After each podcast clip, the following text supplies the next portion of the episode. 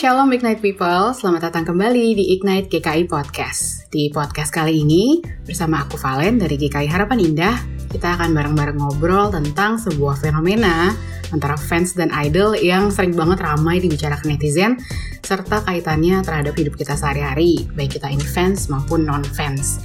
Nah, untuk dapat insight lebih banyak lagi tentang hal ini, sudah gabung bareng kita ada Vira dan Joel.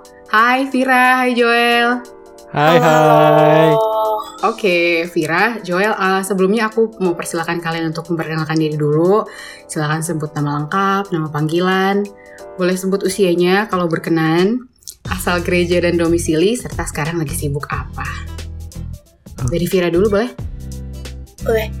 Uh, halo semuanya, nama gue Vira Vidiana Panduinata, biasa dipanggil Vira uh, umur 24 tahun dari GKI Guntur. Sekarang gue berdomisili di Bandung dan kesibukannya kerja. Oke, okay. Joel, silakan. Oke, okay, perkenalkan teman-teman, nama saya Jonathan Joel Krisnawan, biasa dipanggil Joel. Uh, saya usianya 20 tahun. Kesibukannya sekarang sebagai mahasiswa ilmu komunikasi di salah satu universitas di Tangerang. Oke, okay. baik. Thank you Vira dan Joel untuk perkenalannya. Uh, nah, menurut informasi yang aku terima dari tim, Vira ini K-popers, Joel ini J-popers. Bisa dibilang begitu. Bisa. Iya, betul. Oke. Okay. Uh, sebelumnya aku ini kan bukan K-popers ya, J-popers juga bukan. Cuman aku dengerin sih beberapa lagu Korea yang kayak dari artis yang terkenal kayak IU, terus BTS. Gitu. Aku dengerin, cuman nggak yang fans beli merchandise atau album gitu sih. Nah, Aku tuh penasaran sebenarnya sama K-popers dan J-popers ini sebenarnya apa sih yang teman-teman ini lihat dari para idol sehingga teman-teman ini bisa akhirnya memutuskan untuk jadi oke okay, gue jadi K-popers, oke okay, gue jadi J-popers, and then teman-teman uh, ngelakuin hal-hal yang pada umumnya fans-fans lakuin. Itu apa alasannya? Dari Vira dulu boleh, and then Joel boleh? Oke, okay. Uh, jadi awalnya tuh kan aku uh, suka sama K-pop itu awalnya karena uh, sering nonton variety show-nya Korea gitu. Hmm. Terus sampai akhirnya kepincut juga ke K-pop. Dari grup yang aku suka itu aku ngeliat kayak mereka tuh passionate sama apa yang mereka kerjain gitu. Terus selain itu juga mereka kayak uh, ngelakuin yang mereka suka itu dari hati. Apa yang karya-karya mereka semua itu ada meaningnya gitu. Terus yang bikin aku tergerak itu adalah karena uh, lirik-lirik di lagu mereka itu dalam artinya dan uh, bisa jadi penyemangat gitu sih di sehari-hari gitu. Kadang kayak kita lagi down atau kita lagi ngerasa uh, yang jelek-jelek gitu, lirik-lirik dari lagu mereka tuh yang bisa bikin kita semangat lagi gitu. Terus ngelihat mereka uh, nyapa fans, ngelihat cara mereka berinteraksi sama uh, fans-fansnya itu bikin kayak healing aja sih gitu. Oke. Okay. Joel? Oke, okay, kalau aku sendiri ya semua bermula dari iseng. Itu sangat umum. Iya. yeah. Jadi awalnya tuh sekitar uh, pertengahan tahun 2020 gue iseng download TikTok. TikTok kan sempat lagi booming tuh tanggal 2020 karena mulai hmm. pandemi segala macam. Nah, gue nemu satu Uh, oh ya by the way gue juga gue merupakan salah satu fans JKT48 yang kalian udah tahu 10 tahun di Indonesia nggak ada nggak ada nggak kenal. Itu gue nemu salah satu member di mana wih cakep nih siapa? Gue swipe kanan set. Oh uh, member JKT wah boleh nih ikutin. Akhirnya dari situlah mulai ikutin denger denger lagu-lagunya juga.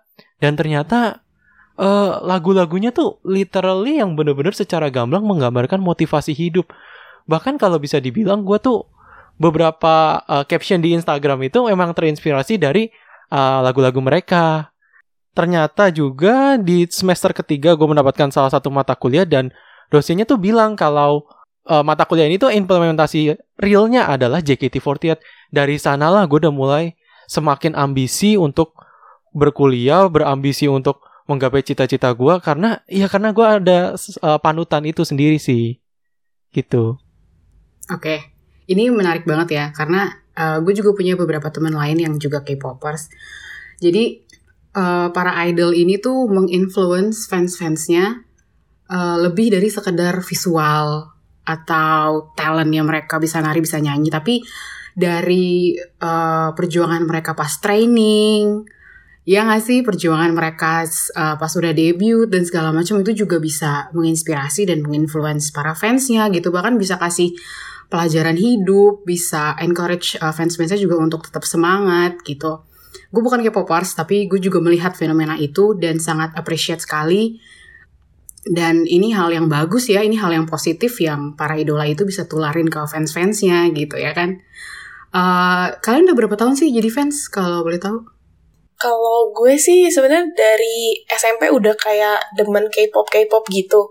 Cuman kalau yang benar-benar uh, ngikutin banget sampai kayak jadi fans banget gitu berarti kurang lebih udah eh, tujuh tahun mungkin ya dari SMA berarti. Wow. 7 tahun. Kalau jual udah berapa tahun? Kalau gue sendiri berarti baru masuk tahun tahun menjelang tahun kedua untuk uh, menjadi seorang fans JKT48. Oh. Oke. Okay. Udah lama banget ya Vira, 7 tahun.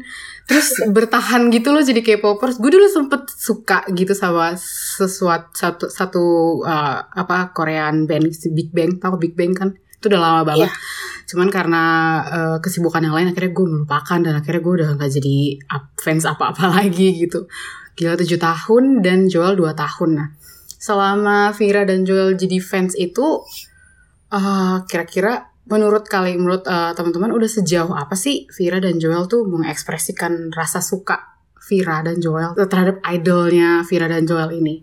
Udah seberapa wah kira-kira yang Vira dan Joel lakukan? Kalau aku sendiri sih jujur ya karena JKT48 itu hadir dalam konsep yang berbeda di mana mengusung konsep Ideal You Can Meet berarti kita benar-benar bisa ketemu idolanya dengan mengorbankan sejumlah materi.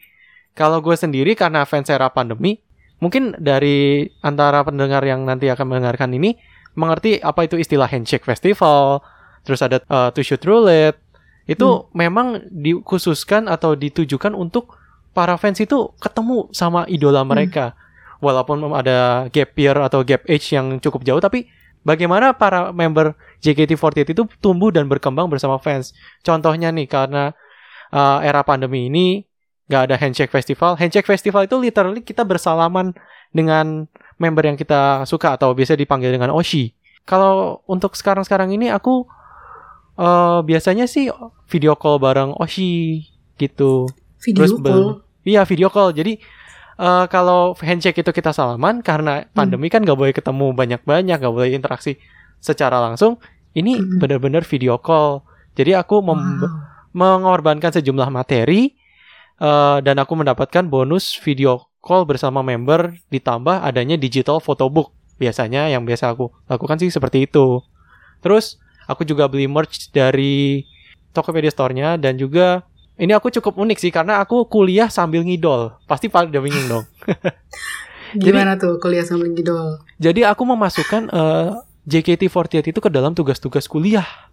Bingung kan? Bisa relevan, bisa selalu relevan. Bisa selalu relevan karena setiap strategi uh, pemasarannya diungkapkan oleh JKT48 itu hmm. uh, merupakan banyak dari mereka yang nyangkut sama analisa mata kuliahku. Ada beberapa mata kuliah yang memang relate sama itu. Gitu. Hehe. Oke. Okay. menarik loh. Maksudnya ya kan berarti emang uh, mereka itu lebih dari cuma sekadar visual gitu loh. Ada nilai-nilai bagus yang bahkan bisa masuk ke tugas kuliah betul mantap banget Joel gila itu sangat mendarah dan jadi pemicu untuk kuliah dan akhirnya ya puji Tuhannya IPK uh, eh, merangkaknya naiknya cukup jauh Wis, bagus dong. Berarti berdampaknya sangat baik gitu yes. sih JKT48 buat Joel ini. Kalau Vira gimana? Udah ngapain aja? Oke, okay.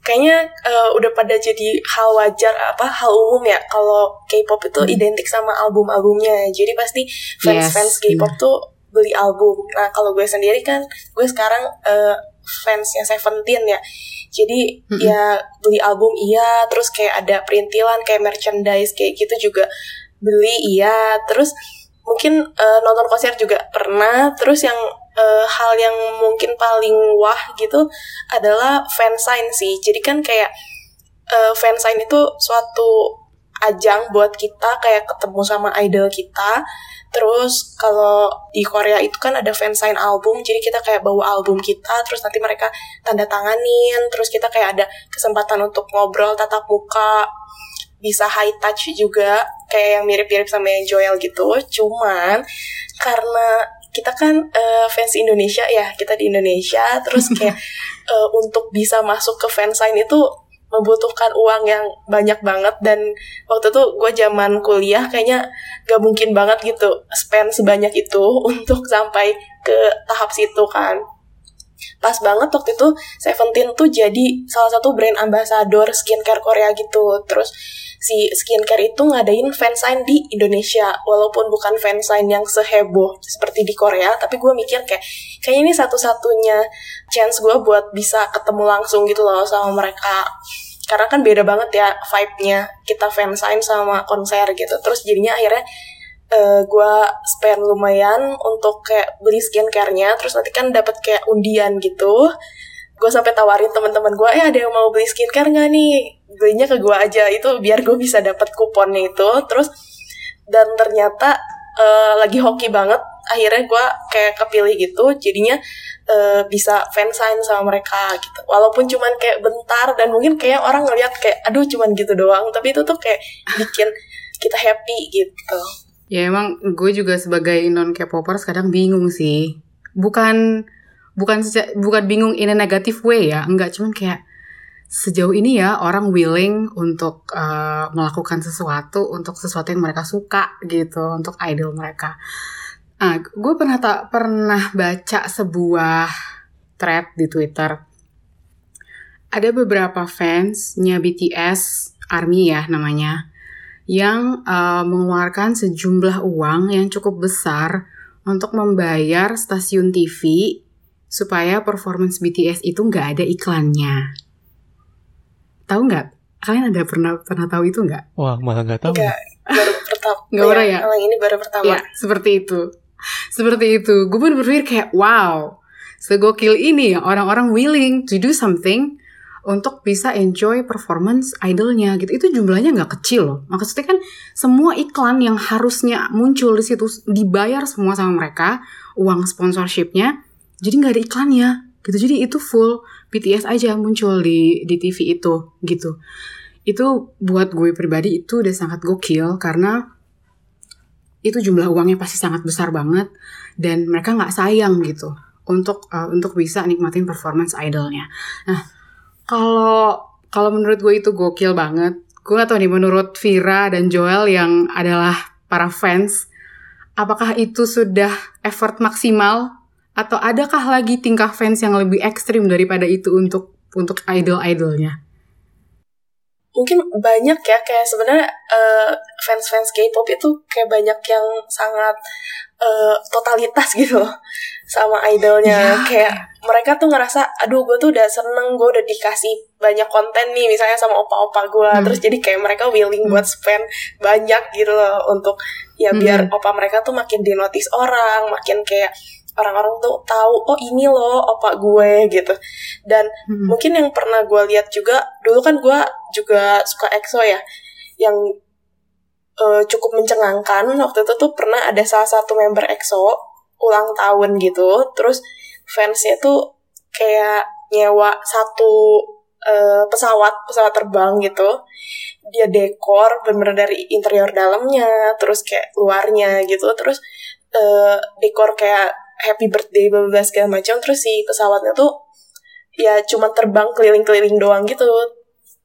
Kayak gitu. Ada juga yang kayak beliin lahan atau kayak macam pulau semacam kayak gitu sih. Jadi ya mereka mungkin merasa itu tuh kayak satu-satunya cara mereka untuk bisa berterima kasih gitu sama opaknya. Cuman kalau gue sih belum semampu itu untuk melakukan hal-hal tadi gitu Eh, luar biasa ya berkat Tuhan untuk para para fans K-pop ini loh. Gue beli lahan loh.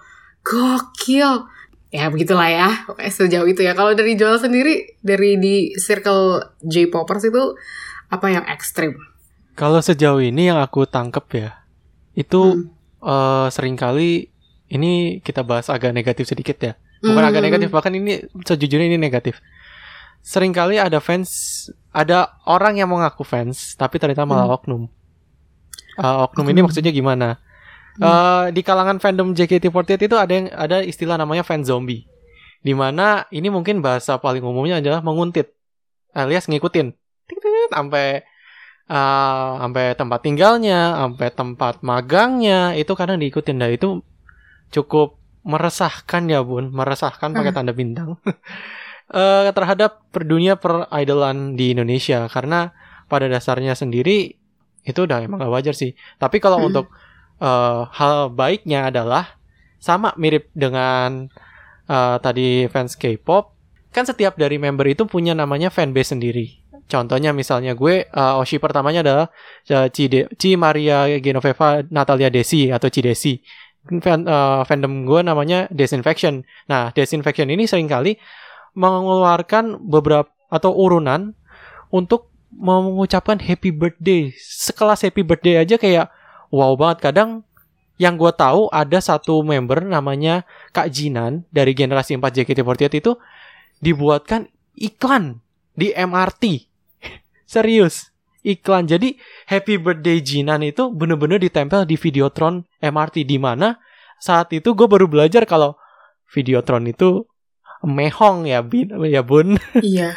Apalagi harus ditempelkan kayak- di moda transportasi ya Iya, sih? moda transportasi untuk yang sekarang-sekarang ini ya. Hmm. Tapi kalau untuk yang era-era golden eranya JKT48 yang kita tahu ada namanya uh, Melody, Nabila, uh, Hmm. Sanju dan lain-lain, itu gue pernah dapat pengakuan dari Nabila kalau pernah ada satu fans intinya adalah dia handshake sama Nabila sampai 30 menit 30 menit. Ngapain aja? dan satu Ngobrol. satu tik iya ngobrol dan satu tiket handshake festival itu kan durasinya 10 detik. Jadi kita salaman tak satu dua tiga empat lima enam tujuh delapan sembilan sepuluh lepas dan itu se- 30 menit. 30 menit dan itu Dibayar kalau- berapa? nah satu tiket itu kalau nggak salah dari sumber-sumber yang pernah gue denger itu kalau nggak salah satu tiket itu 35.000 ribu dan ini 30 Oke. menit 30 menit itu berarti wah banyak lah pokoknya mahal dan itu emang terjadi. Karena pada dasarnya uh, fans JKT itu banyak yang loyal banget. Bisa Hmm. uh, maksudnya bisa jangka panjang bisa lima tahun segala macam. Tergantung uh, member yang dia suka atau oshinya itu bertahan berapa lama di JKT contohnya Hmm. kalau misalnya gue udah ngikutin JKT dari Cidesi masuk JKT itu gue bisa udah kehitungin total 6 tahun. Bisa Wow. seloyal itu. Dan memang mungkin kalau fans K-pop itu uh, ini ya mungkin masih bawanya uh, setiap konser tuh bawanya light stick kan light Iya, stick betul betul. Nah, Light kalau stick fans. JKT ini didefinisikan sama manajemen adalah fans bola yang suka nonton dede-dede gemes. Karena Oh. singkatnya begitu. Karena apa? Setiap kali konser, mungkin kalian tahu istilah namanya giant flag ya. Maksudnya Hmm. bendera gede dan itu bener-bener dibawa waktu konser. Jadi ada mukanya member atau muka tim, kan kita ada J, ada K3, ada T. Nah, setiap Hmm. kali misalnya uh, K3 manggung nih, K3 konser, itu bener-bener ada giant flag di belakang dan mereka tuh kayak nyalain flare, flare yang suar bisa nyala terang itu. Itu bener-bener terjadi. Wow. Sefanatik itu bahkan Hmm. kita punya fanchan yang original dari Indonesia dan uh, di AKB atau di pusatnya di Jepang itu nggak ada. Cuman fans JKT aja yang punya fanchan itu dan itu menurut gue kayak wah gila ini mah emang loyal banget gitu. ini gue terkaget-kaget nih gue. Kalau kata orang zaman sekarang tersongkang-songkang nih gue kayaknya. Terjungkal. Berarti ada membernya yang tinggal sempet tinggal di komplek gue loh. Wah. Dan gue pernah melihat mereka di sebuah chain restoran di komplek gue kayak ini nih gitu. Iya. Pacarnya Gitu. ini nih. Iya. Nah, Tapi udah waktu waktu udah keluar ya. Ini mungkin yang dengar iya. sesama fans Iya, ini udah- keluar waktu itu. Baik-baik. Iya. Gue juga nggak yang gimana-gimana banget sih kayak gue ngerti gitu uh, idol kan kalau diserbu banget di tempat umum itu suka nggak nyaman ya kan. Yes. Dan Uh-uh. gue setiap kali gue bahkan bertanya ke teman gue yang sesama penulis ya. eh, Mm. apakah ketika gue ketemu member yang eh, member yang udah kalau istilahnya JKT kan graduate atau lulus udah Hmm. graduate itu boleh gue minta foto Eh, kata teman gue bilang sebaiknya jangan Jo cukup lu pandangi dari jauh atau lempar senyum atau sapa aja cukup karena takutnya risih gimana gitu kecuali emang dia ngebolehin kita Mm-mm. gitu sih Iya benar sih. Kasian juga mereka ya. Iya. Maksudnya ya kadang kalau diserbu banget gitu. Kadang kan mereka pengen spend time, kayak pengen nyantai doang. Tahu-tahu diserbu minta foto segala macem. Itu sih yang itu yang nggak enaknya dari hidup sebagai idol ya nggak sih? Iya. Iya. Hidup lu diatur Oke. orang. Bener gitu kayak fansnya mau apa, idolnya lakuin kayak gitu ya gitulah pokoknya. Oke, aku mau ambil contoh kasus dari eh teman-teman tahu sih dari BTS Meal kemarin. No offense untuk para ARMY jika para ARMY mendengar ini. Jangan we come serang in kami, peace. jangan serang kami. we come in peace gitu ya kan. Cuman kalau gue pribadi melihat fenomena BTS meal itu agak harmful ya untuk beberapa pihak kan kita melihat si restorannya ada yang disegel dan menciptakan kerumunan juga buat para driver oh, apa driver online Gojek gitu ya kan itu itu sisi negatifnya. Nah eh, tanggapan Vira dan Joel sendiri tentang fenomena BTS meal ini gimana? Untuk gue sih karena gue bukan fansnya BTS, Hmm. jadi gue nggak nggak nge-hype gitu loh. Hmm. Jadi gue nggak pesen dan nggak penasaran-penasaran banget. Karena kan memang isi dari si paketnya juga sebenarnya kurang lebih sama ya gitu. Maaf ya army-army. Terus eh, emang yang gimana ya ngelihat di berita itu kan kayak eh, kumpul terus si driver-drivernya kayak bisa nunggu satu sampai dua jam buat eh, cuman beberapa paket gitu. Kadang kayak kita ngelihatnya juga kayak aduh kok sampai segitunya? Cuman kan karena mungkin itu opak mereka. Dan mungkin kalau gue yang opa gue yang di posisi itu juga gue bakalan beli gitu. Cuman karena sekarang kan eranya kita lagi pandemi ya jadi kayak eh, rasanya kurang bijak aja gitu sih Mhm. untuk eh, tetap memaksakan apalagi sampai berkumpul-kumpul bikin kerumunan kayak gitu. Gitu itu sih mungkin konsnya sih karena di pandemi ini ya jadi Yes. agak meresahkan gitu saat berkumpulnya cuman untuk kayak beli beli belinya sih ya itu sebenarnya hak hak mereka Iya, sih ya benar, benar banget. gitu gitu sih Kalau Joel sendiri gimana tanggapannya? Kalau tadi Kak Vira membahas dari kontra, aku coba pro deh. Oke, boleh, menarik. Biar imbang. Iya, betul betul. betul, betul. Kalau aku menurutku ya, pro-nya itu aku pro kenapa? Karena akhirnya McD berani untuk menggandeng satu brand besar, Hmm. BTS. Dan di situlah benar-benar meningkatkan penjualan McD sampai kalau nggak berkali-kali lipat. Aku nggak tahu angka pastinya berapa. Tapi at the end adalah keberanian keputus keberanian pengambilan putusan McD untuk menga- menggandeng brand sebesar BTS bahkan yang fansnya sudah di mana-mana. Saya tidak mau menyebutkan Indonesia saja gitu. Itu itu hal baik sih. Karena nggak banyak brand-brand itu maksudnya ya ada brand yang berani menggandeng brand, brand lain yang lebih besar untuk menaikkan namanya, tapi nggak ada yang menurutku senekat Mm-mm. McD. Bayangin BTS kan, wah fansnya gila banyak banget. Iya. Teman-teman gue aja kayak, ah enggak gue fans BTS. Oke. Di antara 10 orang tuh ada kayak 9 fans BTS kayak Iya, wow. banget sih fansnya. gitu sih dan itu bener-bener berani untuk mengambil langkah besar Mm. itu. Iya sih, sebenarnya ini juga sebenarnya bisa jadi ladang rezeki ya, nggak cuman buat si restoran itu sendiri, tapi juga untuk si online Gojeknya. Iya, Yes. cuman mungkin emang dari eksekusinya kurang wise, menurut gue pribadi ya. Bisa dikembangkan lagi mungkin next time kalau mau menggandeng apa eh, sosok yang besar gitu ya, mungkin bisa boleh di reset dulu fansnya seperti apa, jadi bisa di prevent gitu. Cuman gue apresiasi juga eh, fenomena BTS Meal ini bisa jadi ladang berkat sih buat si online Gojek itu ya kalau gue perhatiin karena banyak dari fans-fansnya tuh yang akhirnya memberikan bayaran lebih ke si driver dari makanan, uang, bahkan ada yang ngasih sembako, beras, minyak. Uh, serius, aku kayak Bahkan katanya eh, sampah-sampahnya itu berkurang jauh yes, mm-mm. karena kan sorry ada logonya BTS mereka dalam tanda petik Disimpan sayang ya. untuk membuang Mereka recycle. disimpan mereka recycle jadi Recycle. hiasan tumbler itu gue acung Yes. jempol sih itu itu hal yang baik ya yang bisa kita lihat dari si fenomena BTS meal ini dan sebenarnya to be honest gue ini kan bukan seperti yang sudah gue state dari awal ya gue bukan K-popers. I'm not anything gitu. Cuman gue sempet juga kayak pernah pengen kayaknya gue pengen beli deh. Gue pengen ngupdate nih di sosmed gitu. Kayak gue juga ikut sama tren ini gitu. Gue sempet kayak berga- bergumul. Gila kan cuma buat makanan gue bergumul coba. Gue karena gue mikir gitu kayak gue beli ini pengen ngupdate pengen ikutan gaul sama orang-orang tapi sebenarnya worth it gak sih gitu ya kan untuk ikut beli juga gitu. Ada rasa kayak uh, kalau gue nggak beli gue akan missing out nih dari tren ini gitu. Padahal gue sendiri pribadi nggak merasa kayak ngefans atau apa pun gitu. Nah si uh, dari Vira dan Joel ini kan kalian udah fans nih. Pernah nggak mengalami uh, momen di mana kalian kayak merasa kayak missing out? Jadi uh, idol kalian ada sesuatu terus kalian missing out karena kalian nggak ikutin itu gitu. Nggak bener-bener effort maksimal banget untuk melakukan hal itu terus kalian ngerasa kayak kurang dari fans-fans yang lain. Pernah nggak ngerasa kayak gitu? Mungkin gue dulu kali ya yang jawab karena bener-bener baru banget gue terjadi sama hidup gue waduh oke. Okay. silakan. Karena uh, gini mungkin yang fans JKT tahu ya sekitar bulan Ramadan kemarin atau bulan puasa kemarin itu ada namanya event-event yang cukup menarik di teater JKT di mana hmm. pada akhirnya nggak ada kita namanya setlist setlist itu kayak satu rangkaian lagu-lagu dan itu setiap lagu itu berkesinambungan dan itu nggak ada diganti dengan kayak kuis hmm. dengan uh, ada yang namanya share house 48 di mana member itu seolah-olah dalam satu kos-kosan atau dalam satu rumah terus ada teka-teki segala macam dan itu gue bener-bener gak ngikutin karena waktu itu kalau nggak salah lagi sibuk ngurusin project apa dan tiap kali buka Twitter ya update-nya ini ini lagi jadi kayak nggak tahu cuman Kalau mentok-mentok lihat di TikTok itu sih. Merasa sedih ya? Iya. Gak bisa ikutan.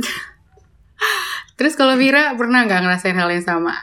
Pernah sih, jadi kan si Seventeen waktu itu mau ada konser lagi gitu kan di hmm. Indo. Hmm. Terus waktu itu karena waktunya tidak mendukung, terus kayak ada uh, suatu kejadian yang bikin gue intinya nggak bisa ikut konser itu jadinya ya akhirnya gue nggak nonton konsernya dan hmm. ternyata itu kan di akhir 2019 ya dan hmm. ternyata uh, datanglah pandemi di awal 2020 jadi sampai sekarang itu mereka nggak ada konser offline lagi gitu padahal biasanya tiap tahun tuh ada tour atau konser gitu jadi kayak hmm. uh, eh, gue menyesal cukup menyesal karena karena udah umur segini juga ya jadi nggak tahu apakah nanti saat pandeminya selesai dan akan ada konser lagi tuh gue masih uh, bisa hadir di konser. Karena kan kalau konser hmm. K-pop tuh bener-bener yang aduh standing terus yang rus bukan rusuh sih kayak ya gitu ya penuh dengan anak-anak muda yang wah gitu. Dan hmm. gue kayak apakah gue akan bisa ketemu mereka lagi secara langsung? gitu. Itu sih yang agak disayangkan gitu. Oke okay, tapi uh, gue salut sih sama kalian berdua. Maksudnya uh, the feeling of uh, missing outnya itu nggak ngedrive kalian untuk jadi harmful gitu. Ngerti gak sih? Ada orang yang dia takut ketinggalan akhirnya dia kayak ngelakuin hal-hal yang ekstrim yang harmful buat diri mereka. Tapi Vira dan Joel adalah contoh-contoh K-popers dan J-popers yang baik yang perlu dicontoh oleh K-popers dan J-popers lain. Jadi benar-benar mengetahui batas batas sehatnya gitu loh batas wajarnya. Oh memang ini ya memang begini gitu. Gue nggak perlu ikutin semuanya untuk bisa ngefans gitu. Karena memang kenyataannya kan seperti itu ya kan. You don't have to do everything gitu untuk uh, bisa menyatakan diri jadi fans dari sebuah idol. Nah sebelum kita lanjut aku mau tanya ke Vira dan Joel. Kira-kira uh, Vira dan Joel pernah visit ke website sama YouTube-nya Ignite GKI nggak? Pernah dong. Pernah. Oh pernah dua-duanya? Pernah dong nah, nih teman-teman uh, yang mendengarkan, aku juga mau merekomendasikan website dan YouTube-nya si Ignite. Di website ini teman-teman bisa baca artikel Ya nggak, ya kan? Teman-teman suka baca artikelnya nggak sih? Ya, artikel-artikel yang bagus, yang menginspirasi kehidupan anak muda. Terus uh, di YouTube-nya juga ada ibadah-ibadah online buat teman-teman yang mungkin gerejanya nggak bisa provide ibadah online, bisa ikutan ibadah online di YouTube-nya Ignite GKI. Websitenya itu ada www.ignitegki.com sama uh, channel YouTube-nya namanya adalah Ignite GKI. Jadi teman-teman bisa enjoy karya-karya anak-anak Tuhan di beberapa daerah di Indonesia yang juga bisa memberkati teman-teman semua. We hope bisa memberkati teman-teman semua. Seperti konten-konten itu juga sudah memberkati kami di sini. Nah, sebagai konklusi dari obrolan kita hari ini, Vira dan Joel, ada pesan gak sih buat para fans tentang relasi terhadap idol supaya tetap wajar, tidak harmful, tetap sehat?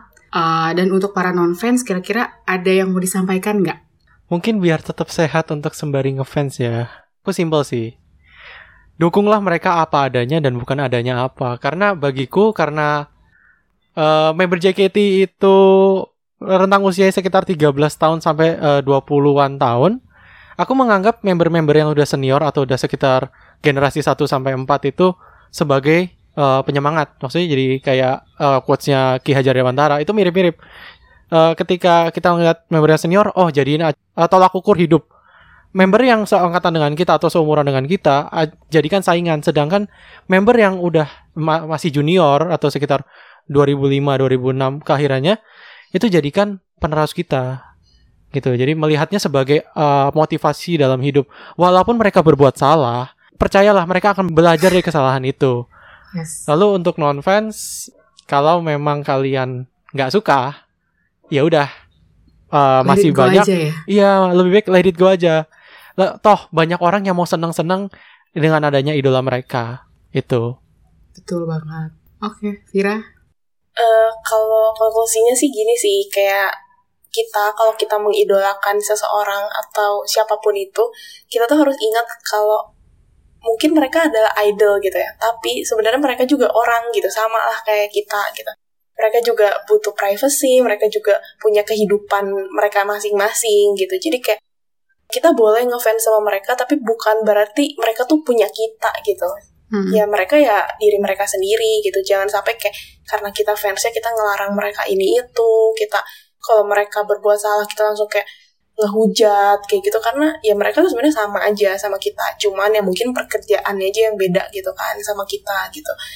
Dan buat kita yang sebagai fansnya juga kita jangan terlena terus jadi kayak uh, fanatik banget. Karena di dunia nyata itu kita juga punya kehidupan yang perlu kita jalani dengan uh, apa ya real gitu jadi yang enggak yes, nggak halu gitu ya nggak halu gitu. Mm, mm, mm, dan Bener. terakhir buat non fans sebenarnya perbedaan kita suka sama K-pop atau J-pop dengan hobi-hobi lain tuh sebenarnya nggak ada gitu loh. Itu kayak sama aja kayak uh, kita punya hobi dan kesukaan masing-masing gitu. Jadi kayak bukan sesuatu yang aneh atau yang perlu di kayak ih kok lu gitu sih? Ya enggak gitu. Karena ada juga yang suka sama mungkin dia suka ngoleksi tas ngoleksi yang lain-lain gitu. Sebenarnya kan ya sama aja gitu. Jadi semua punya cara mengekspresikan kesenangannya masing-masing. Ya kita juga harus saling menghormati. Terus kayak kalau misalnya lu nggak punya sesuatu something nice buat diomongin ya